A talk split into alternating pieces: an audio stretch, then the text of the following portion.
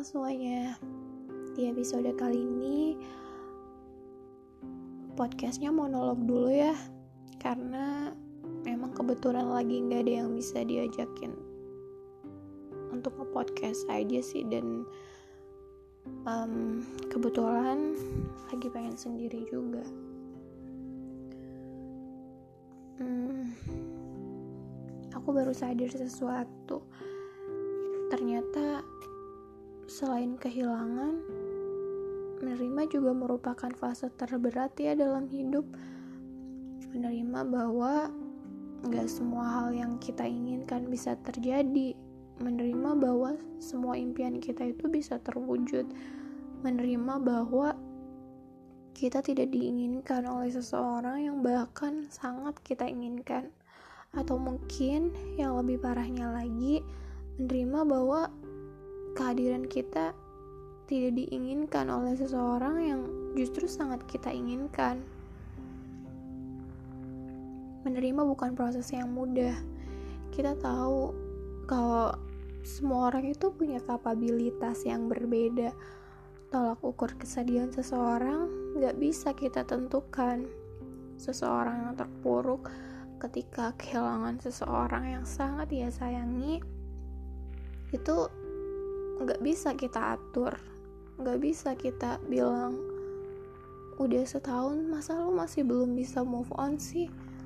Hidup tuh harus berlanjut loh. Tapi kita nggak tahu apa yang dirasakan orang itu. Kita nggak tahu gimana prosesnya usaha orang itu untuk bangkit.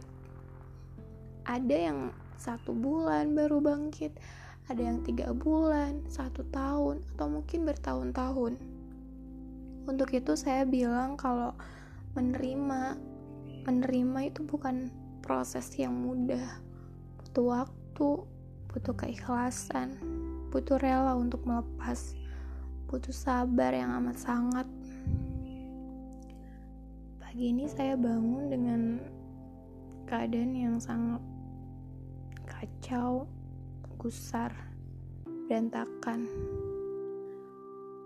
kalau ada satu kata yang tepat buat mendeskripsikan perasaan saya saat ini adalah mungkin mendekati depresi, mungkin kecewa, sedih, putus asa, overthinking, energi negatif itu benar-benar menghantui saya banget.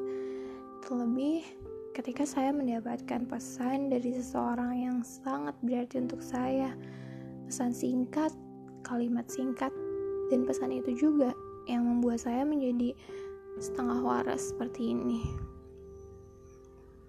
Sebelumnya saya nggak pernah mengira kalau impact dari pesan itu akan membuat saya seperti ini. Nggak pernah terfikirkan sebelumnya bahwa saya sangat emosional ketika membaca pesan singkat itu. Rasanya sedih, kecewa, marah, dan lagi-lagi perasaan itu nggak bisa saya kendalikan. Untuk itu saya mencoba menuliskannya di sini. Mencoba mengutarakan menuliskan dan hanya itu yang bisa saya lakukan. Saya ingat sekali kalimat yang pernah ia sampaikan kepada saya. Dian kalau lagu lagi sedih Coba deh lu tulis semua kesedihan lu, kekesalan lu, kemarahan lu. Setidaknya kesedihan lu bisa terlampiaskan. Sedih sekali mendengar kemarahannya.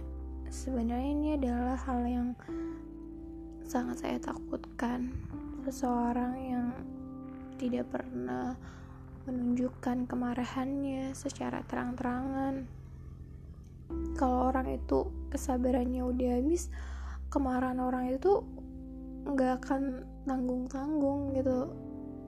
Kalian ngerti gak sih ketika bom ya ibaratnya hukum aku nggak tahu itu hukum apa cuman diibaratkan kayak bom yang meledak ketika marah itu ya kenapa jadi muter-muter gini sih dia ngomongnya? Ya intinya kayak gitu. Keputusan dia buat tidak menjalin komunikasi lagi sama saya itu ngebuat saya bener-bener oh shit. Ternyata gue gue setoksik itu ya buat orang lain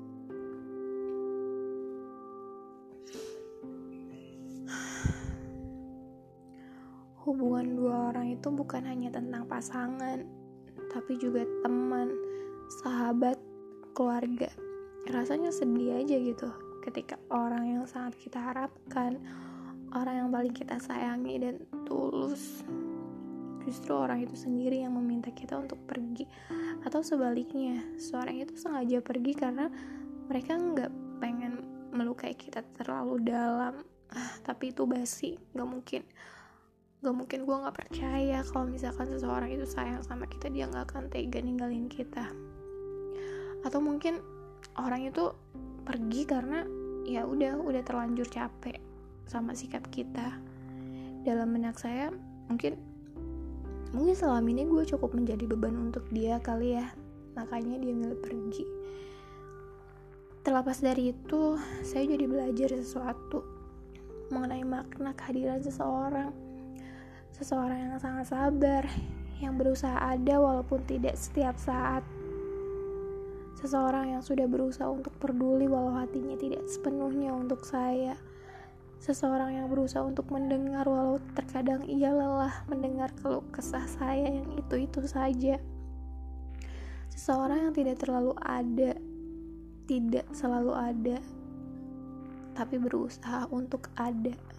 Orang itu udah pergi. Sekarang menjadi tanggung jawab saya untuk menjalani hari-hari saya ke depan.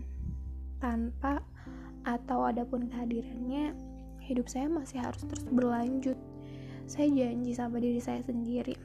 Setelah ini, saya akan menjadi lebih kuat karena penolakan yang kuat adalah penerimaan yang kuat. Terima kasih untuk semuanya. Terima kasih sudah berusaha untuk ada.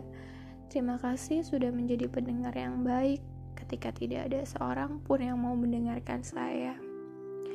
Terima kasih sudah mengajarkan saya pentingnya arti kehadiran seseorang dalam hidup. Terima kasih, terima kasih. Semoga kamu bahagia.